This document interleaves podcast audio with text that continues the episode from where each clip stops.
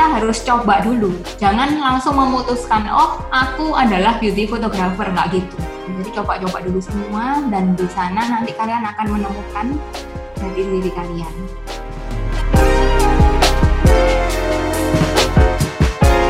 Salam Petra Nation, halo apa kabar? Di mana pun sahabat Petra Business Insight berada, kiranya kasih karunia dari Tuhan Yesus senantiasa melingkupi kita.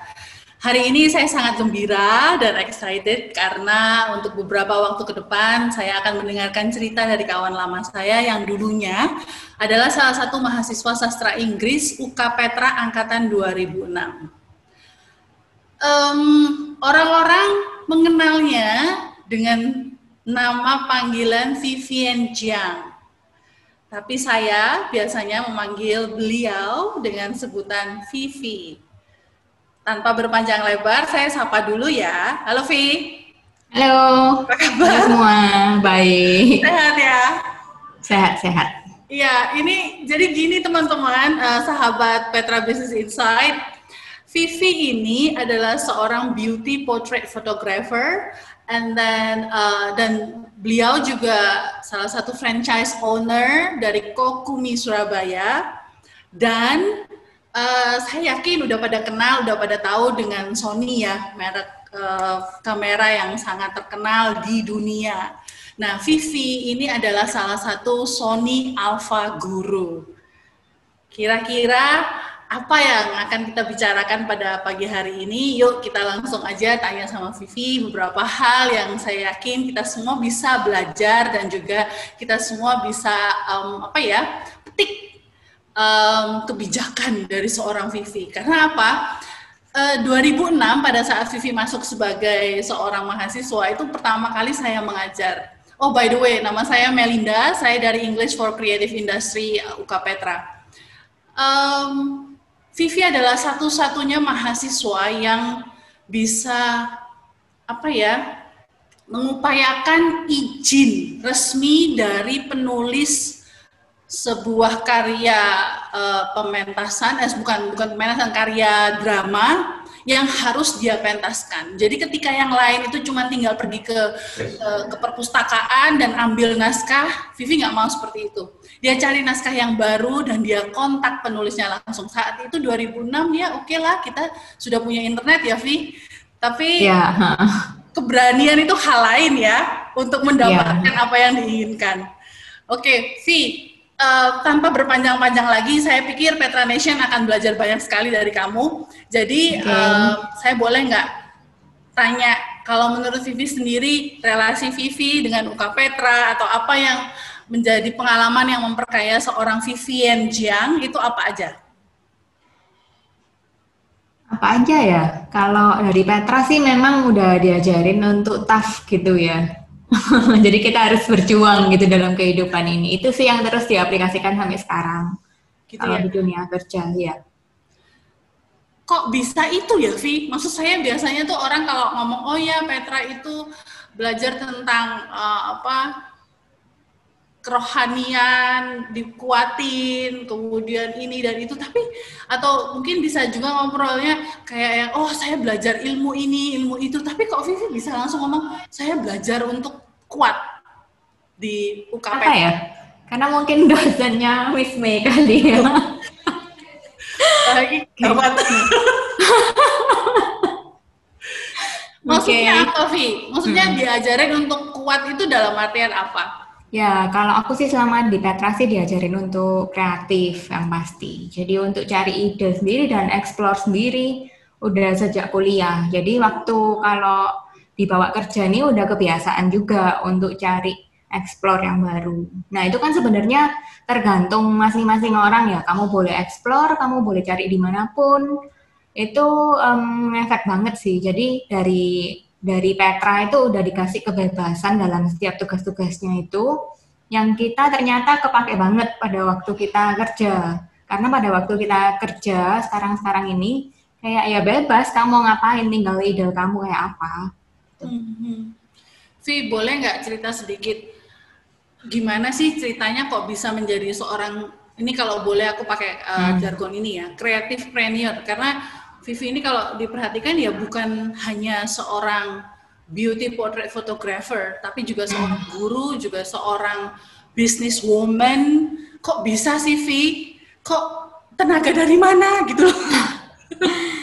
Oke, jadi semuanya tuh emang ada prosesnya sih. Waktu pertama kali aku lulus kuliah juga sempat kerja di suatu perusahaan, terus menikah, dan waktu itu udah disuruh di rumah sebenarnya. Tapi ya um, emang mungkin dasarnya aku orangnya suka kerja, jadi cari-cari kerjaan kayak gitu. Dan karena waktu itu cuman bisa di rumah, itu aku mulai buka studio kecil-kecilan di rumah gitu sih.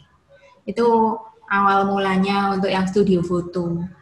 Terus ya lama kelamaan dari foto itu kan aku kenal banyak orang, banyak klien, punya relasi. Nah, itu yang membuat aku bisa ke pekerjaan yang lain-lain juga. Dan tentunya itu tergantung niat kamu. Kalau misalnya kamu nge-close cuman mau di situ aja ya kamu bakal tetap di situ aja. Tapi kalau misalnya kamu mau membuka peluang-peluang bisnis lain ya otomatis pasti bisa. Hmm. Gitu. Vi, hmm. nih pandemi COVID-19 sudah sekian hmm. bulan sebagai seorang pengusaha, how do you survive? Ya, memang sih kalau pandemi ini di fotografi ngefek banget. Yang kalian tahu kan kalau kita udah nggak bisa keluar negeri, bahkan kalau keluar kota aja kemarin masih susah, udah nggak ada flight, itu jadi pasti ngefek banget dunia fotografi. Dan di dunia franchise kayak jual minuman apa tuh juga ngefek banget gitu. Jadi um, pada saat pandemi itu memang kayak um, slow banget, kayak kayak penjualan pastilah semua semua aspek pasti kayak drop gitu sih. Tapi ya kita harus beradaptasi gitu. Pada saat itu kita mau sedih pun, kita mau stres nggak ada gunanya. Jadi aku hanya berpikir apa sih yang bisa berguna, harus apa gitu ya. Itu aku um, sempat kemarin kayak manage Instagram juga yang ternyata gara-gara corona itu aku jadi dapat kerjaan baru. Hmm, gitu. Kalau kalau boleh tahu sekarang um, berapa jumlah staff yang harus Vivi pimpin? Kalau yang lalu sih um, di foto aja itu sekitar 16 orang. Cuman karena pada waktu corona ada beberapa yang suaminya karena kan di sini aku kebanyakan uh, kerjanya cewek ya. Jadi ada yang suaminya kehilangan pekerjaan, beberapa jadi ikut pulang ke kampung kayak gitu. Nah kalau aku sih concern utamanya adalah um, supaya pegawai-pegawaiku itu tetap bisa survive. Jadi aku tetap harus cari job buat mereka kayak gitu. Ada yang kamu pecat nggak sih, Vi? Atau kalau pecat nggak nggak ada. Nggak ya. Karena karena uh, pada waktu itu ya jujur ya, hmm. kan kriminalitas itu naik ya pada waktu corona tuh. Aku tuh waktu baca tuh, aduh jangan sampai deh tiba-tiba ketemu anak-anak nih, anak-anak jadi jadi masuk berita kriminalitas karena nggak dapat pekerjaan. Aduh jangan sampai deh kayak gitu deh udah dalam pikiran aku. Jadi memang pada waktu itu tetap ada kayak tiga bulan itu pengurangan gaji menyesuaikan. Terus setelah itu ya setelah pekerjaan kembali normal, bukan kembali normal sih, pelan-pelan kembali ya mulai seperti biasa. Dan hmm. pada realitanya ya sebenarnya pekerjaan kita tuh makin banyak hmm. waktu corona ini. Maksudnya makin banyak apa? Kita kan bersaing dengan fotografi lain, dengan bisnis lain. Otomatis service kita kan harus ditingkatkan, ya gitu. Jadi um, aku berusaha memberi yang terbaik buat klienku dan buat semua um, pegawai. Aku kasih tahu kalau kita caranya seperti ini, kita harus ningkatin service dan memang harga ada penyesuaian, itu yang bikin kita bisa survive. Hmm. Bicara soal harga ya, dunia fotografi saya dengar uh, benar-benar terpukul ya dengan tidak adanya kegiatan dan lain sebagainya.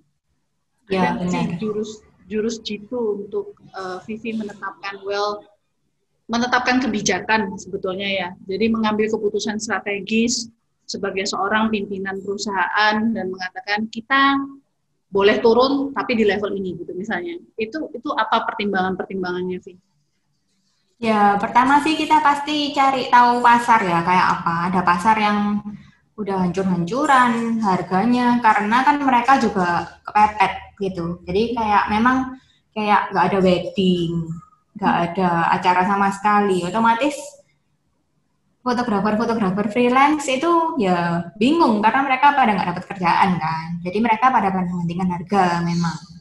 Nah, um, kalau aku sih kemarin sebenarnya nggak kepingin mengikuti mereka gitu. Jadi aku potong harga, cuman masuk akal aja gitu. Kenapa? Kenapa kok aku nggak banding-bandingkan harga? Karena aku masih melihat ke depannya. Mungkin nih nanti um, bulan April gitu, kira-kira kalau pandemi udah selesai, aku juga kepingin back to normal dong. Aku nggak kepingin kalau harga aku tuh jatuh banget gitu loh.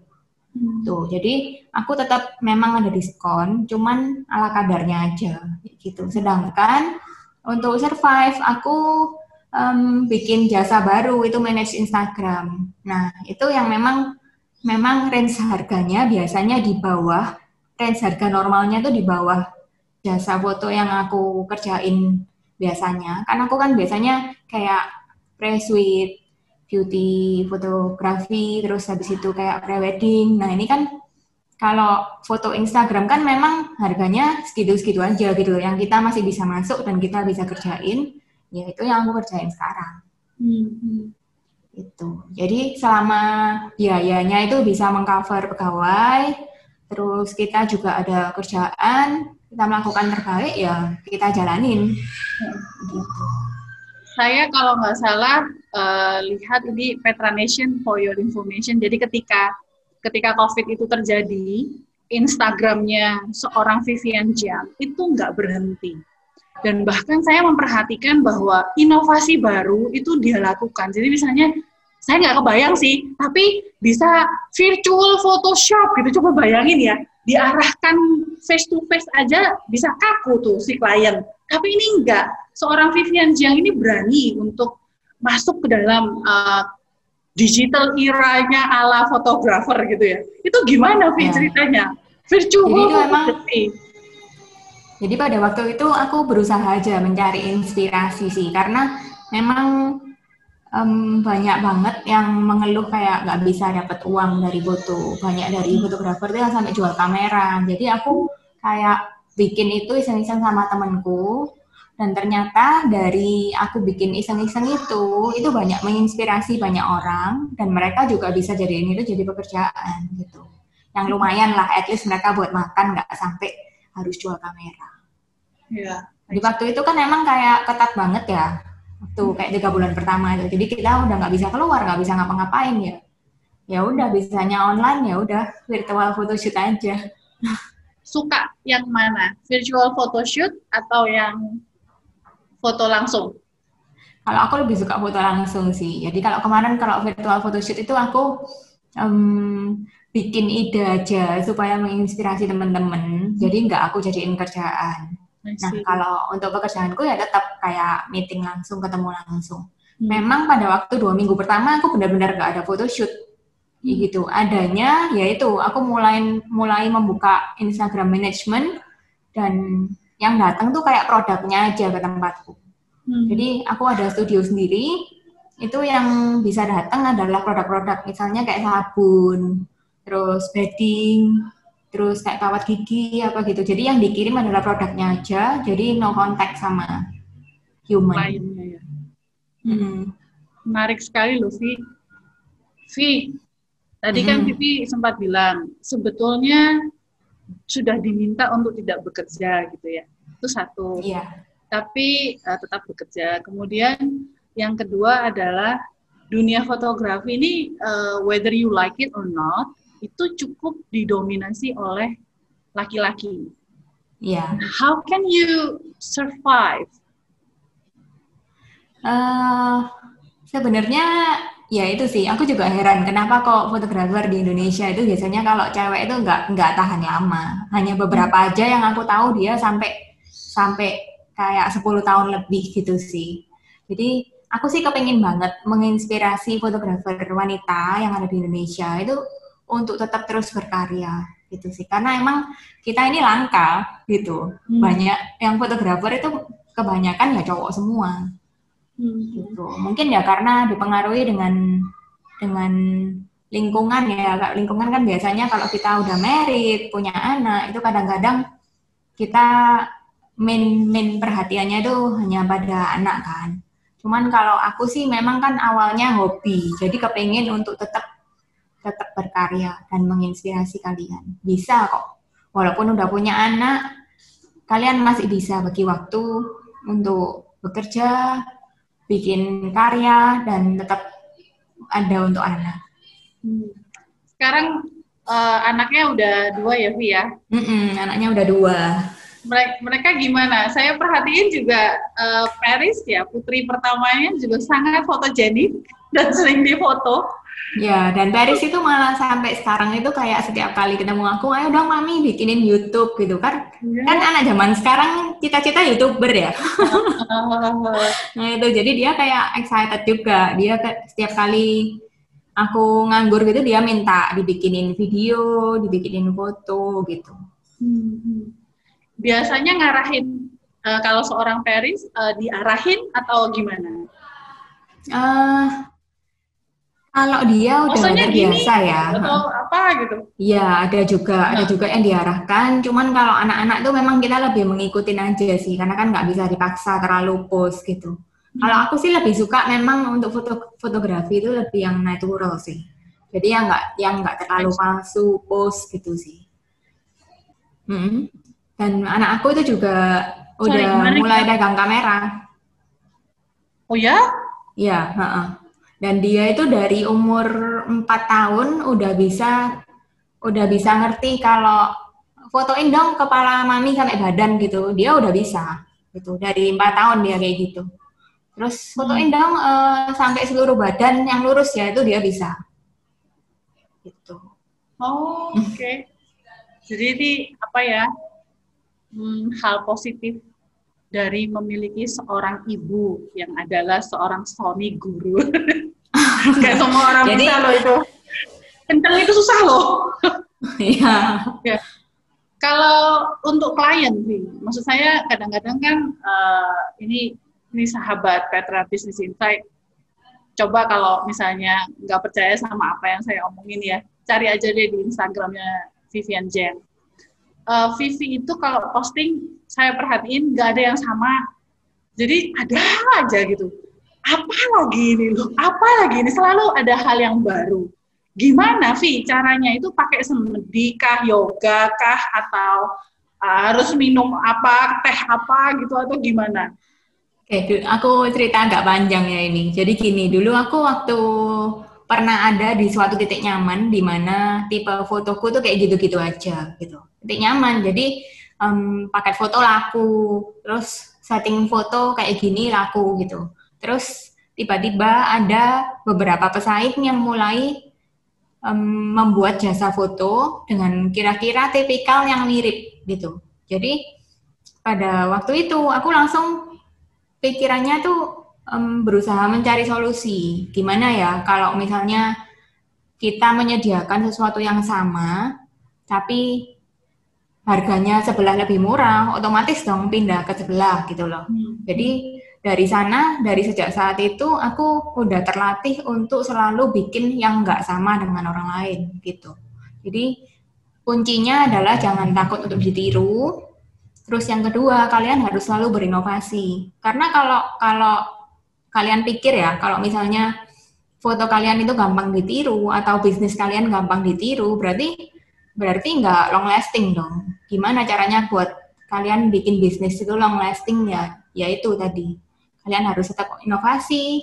walaupun ditiru ya udah kalian tetap maju. Jangan kalian stuck di situ dan merasa sebel kayak ditiru, terus kalian meluangkan waktu, emosi untuk sebel-sebel aja itu nggak akan nggak akan membangun kalian gitu. Hmm. Jadi intinya kalau aku setiap kali foto itu aku kepengen bikin yang baru. Jadi secepat apa pun orang ngejar kamu, kan kalau misalnya orang niru pasti lebih cepat dong daripada kamu mikir itu kamu yeah. akan selalu one step di depannya. Ya, itu caranya adalah dengan kalian selalu mencari yang baru. Vi, capek nggak sih Vi cari yang baru terus? Ya, kalau hobi ya nggak bisa dibilang capek ya, karena kan kalau kita membuat sesuatu yang baru tuh kita juga ada personal feeling kayak satisfied gitu kan. Hmm. Dan sekarang malah kalau aku ada beberapa orang yang terinspired apa gitu aku malah seneng sih malah malah berpikir untuk bikin apa lagi ya yang baru biar teman-teman bisa saling terinspirasi gitu. Hmm. Thank you ya sharingnya. It means a lot for me, you know. Kadangkala memang kalau di dunia kreatif ini kan capeknya itu dimikir ya. Hmm. Dan uh, kadangkala ketika buah pikirannya ini ditiru oleh orang itu bisa sebelnya itu bisa berkali-kali lipat gitu loh. Tapi yeah. ya iya. benar juga yang Vivi katakan bahwa ngapain ya sebel lebih baik keep going ya Vivi ya. Mm -hmm. Keep on creating something new. Iya yeah, benar. Apa Vi? Uh, kalau boleh share Vi? Uh, hasil yang paling bisa mendatangkan rasa satisfying gitu atau yes I did this itu itu apa Vi? Boleh ya cerita sedikit? Uh, kalau aku sih um, setiap kali ada project berusaha kalau bakal sampai seneng banget sama hasilnya gitu. Jadi walaupun itu klien, walaupun itu model, aku pasti berusaha untuk dapetin sesuatu yang beda sampai aku seneng. Hmm. gitu. Jadi di setiap di setiap project itu pasti aku bakal push myself buat sampai ke titik itu. Kalau enggak ya nggak mau berhenti. Wow. Gitu sih. Hmm. Pernah frustrasi nggak?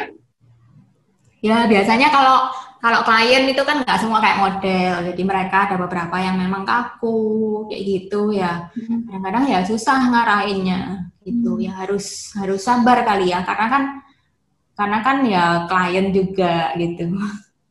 Kalau misalnya kalau, kalau frustasi sih enggak sih karena ya again karena memang foto ini kayak hobi ya. Hmm gitu. Jadi kita harus selalu membawa itu ke fun. Nah, itu satu hal lagi kalau kamu monoton di satu titik kamu bakal bosen banget. Jadi aku pernah, aku pernah ngerasain itu. Jadi kayak fotoku gitu-gitu doang, dapat duit ya dapat duit, ya lumayan. Tapi kayak gitu-gitu doang tuh kayak aduh foto ini lagi apa gitu loh kayak kayak ada pernah feeling kayak gitu. Nah, itu kan berarti ada yang salah gitu loh. Antara hmm. kamu terlalu over kerja atau karena karena mungkin kegiatannya membosankan ya. Jadi gimana kita buat supaya kegiatan kita nih kerja tapi nggak ngebosenin. Hmm. Itu kamu ajarkan juga ke staff dan karyawan yang harus pimpin nggak? Kalau fotografer ya, jadi aku selalu push mereka untuk um, deliver yang baru. Ah. Enggak, enggak semua orang tuh cocok sama aku. Karena di setiap karyaku itu aku selalu um, review. Hmm. Gitu. Jadi bakal untuk bahkan untuk punya aku sendiri aku juga review. Aku juga tanya ke mereka, "Eh kira-kira kalau kemarin itu aku kurangnya apa sih?" kayak gitu. Kira-kira yang bisa diimprove apa? Jadi aku udah nggak mungkin ngomong um, baiknya gitu ke mereka. Jadi pasti aku review project kamu kemarin kurangnya ini ini ini ini gitu. Jadi mereka bakal nyari yang ke depannya untuk improve, bakal nyari yang improve. Kadang kalau orang nggak tahan banting itu kayak merasa um, kayak merasa apa ya? Kayak merasa tertekan kali ya kalau dibilang kurangnya terus. Tapi untung sih aku dapet tim fotografer ini yang memang udah secara secara apa ya secara feeling mereka tuh udah ngerti aku, mereka tuh udah cocok sama aku gitu. Dan itu memang butuh waktu untuk cari tim fotografer yang kayak gitu. Ya selama mereka kenal kita, selama tahu maksud kita itu untuk yang baik, ya bakal terus maju. I see. Udah berapa lama Vi ini Vi? Kalau fotografi hampir 10 tahun ya. 10 tahun ya? Uh -uh. Jangan tanya berapa lama, nanti umurnya ketahuan. oh gitu ya. Awalnya mulai dari berapa orang? Awalnya yang mulai aku sendiri. Oh ya? Itu kayak, iya sendirian. Jadi kayak uh, foto sendiri, ngedit sendiri gitu. Dan aku kan emang basicnya dulu nggak nggak di DKV kan. Orang-orang tuh pada nyangkain aku di DKV. Padahal kan aku di sastra Inggris kan gitu. Iya, sastra Inggris. Jadi, mm -mm, belajar Photoshop apa itu ya otodidak. Hmm. Gitu. Jadi nggak nggak pernah ikut di instansi mana pun, jadi aku cuman buka YouTube aja sih, sama kayak beli beberapa buku itu. Nah waktu itu kan zaman-zaman itu kayak masih musim kita belajar dari buku. I see. I see. Kalau misalnya ada klien yang uh, kalau nggak salah pernah foto uh, Gubernur Pak Dekarwo ya? Iya. Itu tegang nggak sih, nih? Misi uh, Pak gitu. gimana? Pak Dekarwo baik banget sih, jadi nggak tegang. Itu ya? ya gini, gini sih. Um, tegang itu kamu pasti berbagai macam penyebabnya. Pertama karena mungkin nih, mungkin kalau kamu tuh nggak prepare dengan benar, otomatis kamu tegang dong. Hmm. gitu. Jadi aku kalau misalnya ada project-project itu selalu berusaha prepare itu kayak hamin satu gitu biasanya. Jadi kemarin sebelum ke tempatnya Pak Dekarwo itu aku juga minta izin untuk um, cek lokasi tempat yang buat difoto di mana. Terus aku juga ngatur lightingnya kayak beberapa jam sebelum foto. Jadi pada waktu photoshoot ya udah lancar. Hmm. Gitu. Berapa jam uh, kalau satu sesi foto biasanya? Kalau biasanya sih satu look kayak sekitar satu jam gitu.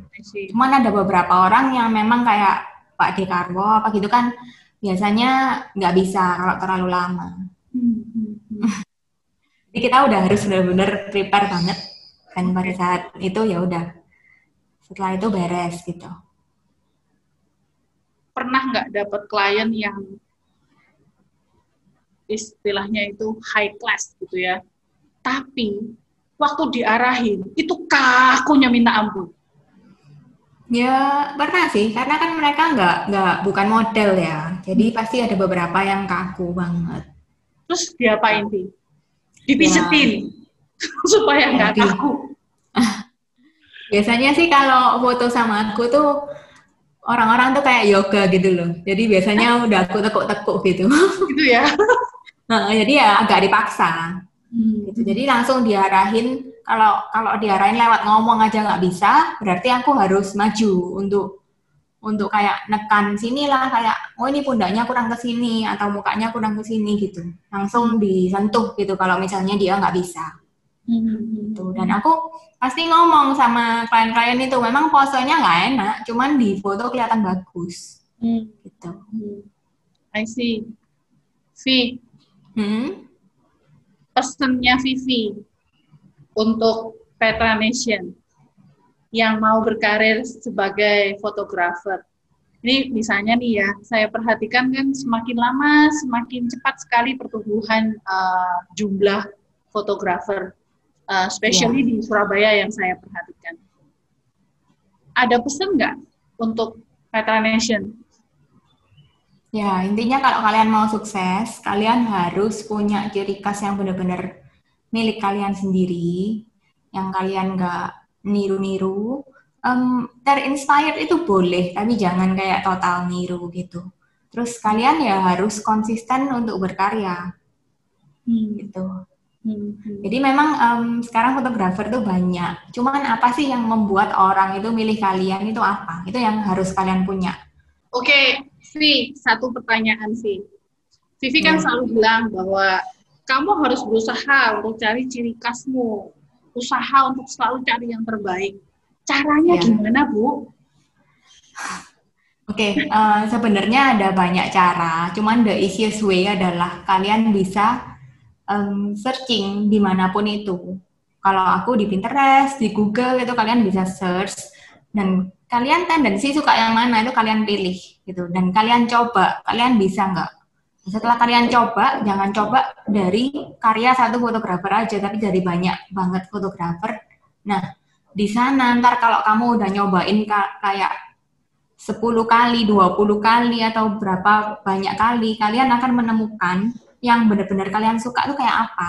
Hmm. Gitu sih. Jadi, kita harus coba dulu. Jangan langsung memutuskan, oh aku adalah beauty photographer, nggak gitu. Jadi dari awal itu kita harus mencoba dulu semuanya. Terus hati kamu di mana?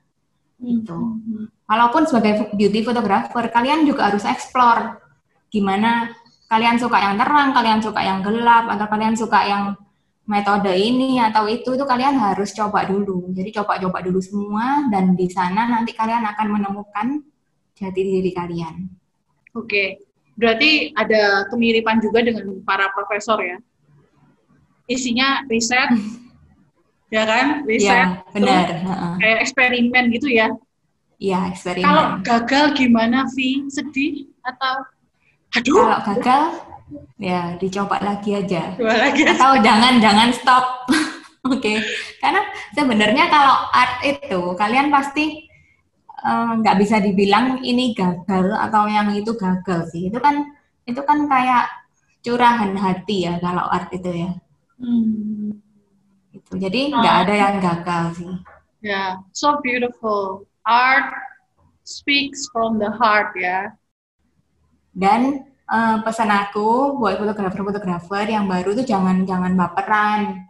Hah? Karena kalau kita kerja di dunia jasa ini, kita tuh harus terbiasa dengan masukan-masukan dari vendor lain gitu. Jangan kalau misalnya orang bilang kayaknya aku kepingin lebih kayak gini deh atau kayak gitu deh, itu terus kalian kayak merasa apa ya, kayak merasa kayak kok kok bukan yang mauku sih, kok kenapa harus ngikutin kamu, nggak boleh gitu. Jadi kita semua kayak harus bareng-bareng, nggak boleh nggak boleh saling egois, bareng-bareng sama vendor tuh untuk dapetin hasil yang sesuai yang kita semua mau, bukan yang kamu aja hmm. mau. Gitu. Okay. Karena kalau zaman sekarang itu memang vendor itu kayak udah banyak gitu loh, ada stylist, ada makeup artist, ada kamu fotografer. Nah, biasanya kan tiga itu. Nah, kalian juga harus memperhatikan dong si stylistnya kepinginnya apa, si makeup ini kepinginnya apa, kayak gitu. Hmm. Kalau selama kalian ketemu dengan tim yang cocok, itu kalian akan maju. Dan selama kalian bisa mengerti satu sama lain ya. Lain kalau misalnya di luar negeri itu emang aku tahunya banyak kalau fotografer itu hire makeup artist dan stylist sendiri, yaitu otomatis semua ya terserah si fotografer gitu. Hmm. Nah kalau di Indonesia ini sistemnya nggak gitu. Indonesia ini sistemnya lebih kayak kita kerjasama berbagai vendor, terus ya kita harus menyesuaikan satu sama lain gitu. Jadi si makeup juga ngikutin kamu, styling juga ngikutin kamu, tapi kamu pun juga harus ngikutin mereka. Kalau enggak ya mereka nggak akan nggak akan seneng juga kerja bareng kamu gitu. Jadi kalau misalnya dikasih masukan ya kalian harus terima itu sebagai sesuatu yang positif. Ya. Tanpa ini pertanyaan boleh dijawab boleh enggak? Mm-hmm. Tanpa menyebutkan identitas. Klien yang paling sulit yang Vivi mungkin bisa ngerasa kayak, aduh Tuhan, kenapa? Oh. Ada nggak? Pernah okay. gitu Pernah, pernah. Jadi kemarin itu aku aku lebih bukan ke fotonya ya, lebih kayak personal kayak gitu. Jadi banyak orang itu yang uh, apalagi kayak Seventeen, aku kan banyak handle Seventeen. Mereka tuh kayak kurang pede tapi mau hmm. gitu. Nah itu yang yang agak agak susah sih. Kemarin itu aku sempat udah foto di luar negeri Terus um, waktu waktu nyeleret bajunya itu apa itu bahasa Indonesia-nya? Oke, okay, itu itu kayak sempit gitu loh. Terus anaknya tuh langsung down dan nangis karena dia berpikir kalau itu nggak cukup gitu sih. Hmm. Jadi um, what I have to do itu kayak jadi maminya. Jadi kayak kayak harus lebih dorong ke kepedeannya dia gitu. I see. Itu sih yang tantangan. Jadi gimana kita harus ngerubah mood klien yang udah down banget, tapi kita harus tetap jalan photoshoot, kita harus tetap bikin dia pede itu yang sangat menantang. Karena kalau iya, model kan ya pasti udah kebiasaan ya kalau nah. model ya. Kita nggak perlu repot mikirin feelingnya si model kayak apa. Dia kan udah tahu kalau foto ya gini. Tapi kalau misalnya klien biasa, itu bagaimana kamu bisa membuat satu event kamu, satu project kamu tuh sukses kayak gitu sih. Hmm. Vi, -hmm. ke negara mana aja sih Vivi udah moto? Ingat nggak? Nah ya, uh, Eropa, terus Korea, Turki, Australia. Australia. Hmm. Yang aku sih paling suka ke Australia. Kenapa? Soalnya nggak terlalu jauh. Terus di sana memang um, enak sih. Hmm. London juga, London juga enak, cuman jauh banget. Jadi kalau terus kayak beda jamnya kan juga jauh. Hmm. Jadi kalau komunikasi sama orang yang di Indonesia agak sulit. Okay. Agak sulit karena jam sih. Yeah. Jadi kalau biasanya kalau di sana kayak kantor agak keteteran gitu. Hmm. Hmm. Hmm. hmm. Kalau Paris pernah? Paris pernah. Ya apa? Bener tak seperti orang-orang bilang itu such a romantic city itu. Kan spot-spot fotonya Vivi banyak yang outdoor ya. Apakah ya. itu pengaruh beda negara yang misalnya, wah ini Paris orang bedanya tuh gitu. cuman gini aja sih. Kalau di luar negeri itu emang cuacanya tuh lebih enak. Jadi biasanya oh, ya? kita kalau kamu ke Bali kan kamu outdoor bentar kan udah udah keringetan kan pasti. Ah, see. Nah, kalau kita ke luar negeri itu biasanya nyari um, season di mana itu nggak terlalu panas dan nggak terlalu dingin biasanya. Hmm. Atau kalau dingin dingin sekalian kalau mau cari salju gitu sih. Hmm. Nah, itu pasti ngefek banget. Jadi kamu kayak foto outdoor tapi di tempat ber AC. Jadi kamu nggak keringetan. Otomatis hmm. mood kamu tetap tetap right. keangkat gitu loh. Hmm. Itu sih yang ngebedain di luar negeri dan di dalam negeri itu itu. Karena iklim aja kalau kendala gitu lebih uh, lebih mudah mana?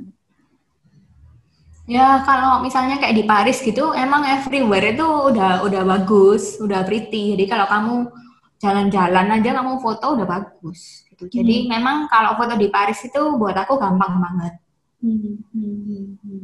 Tuh, nah sedangkan kalau di di beberapa tempat yang emang nggak nggak terlalu cantik ya otomatis kita gimana bikin cari sudutnya yang bisa jadi cantik kan. I see.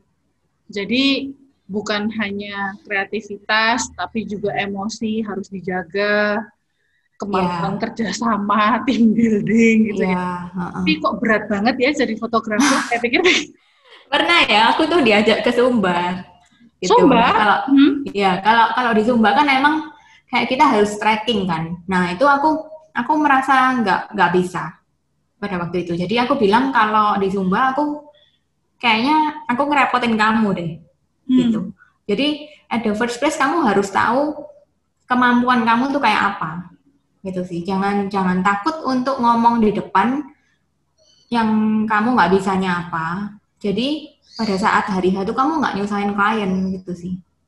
Hmm, hmm, hmm.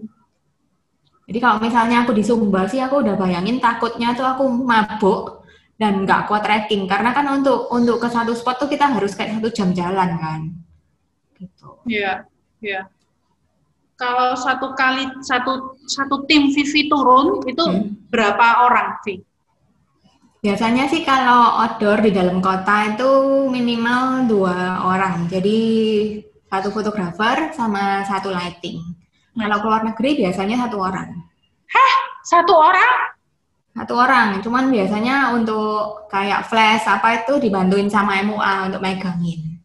Oh gitu. Mm -mm.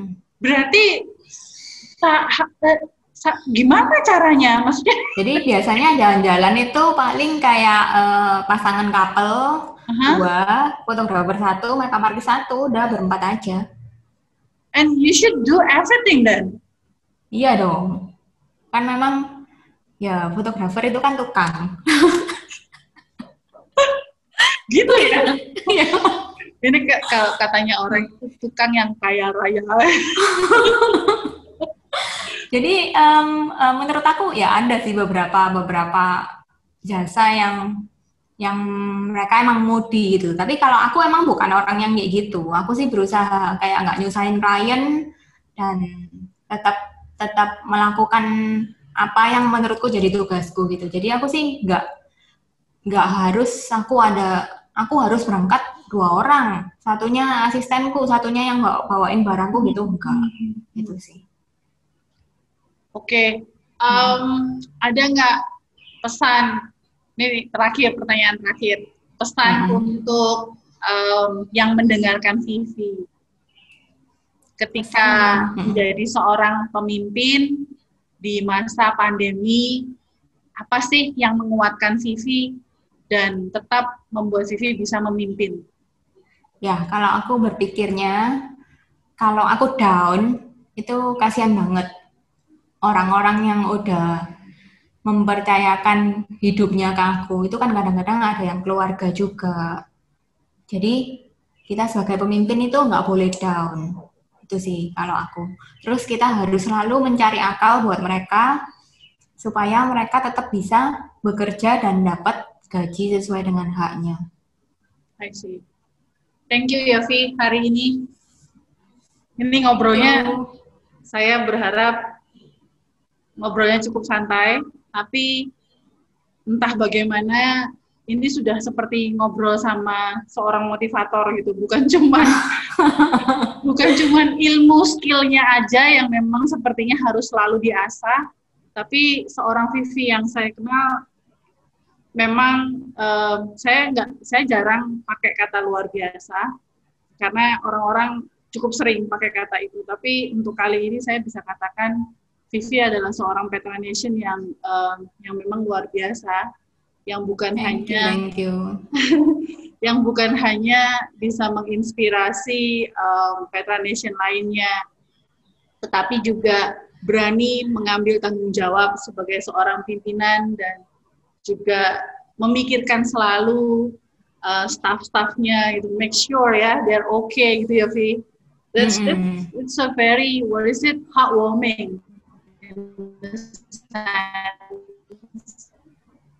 Thank you for being a very um, kind Petra Nation. Sebentar lagi Vivi, jadi uh, mungkin cukup sampai di sini dulu perbincangan kita. Kiranya apa yang sudah dijadikan uh, informasi atau uh, apa yang sudah dibagikan lebih tepatnya, baik itu informasi, cerita hidup, tantangan hidup yang harus yang sudah Vivi bagikan meskipun hanya dalam waktu 30 menit.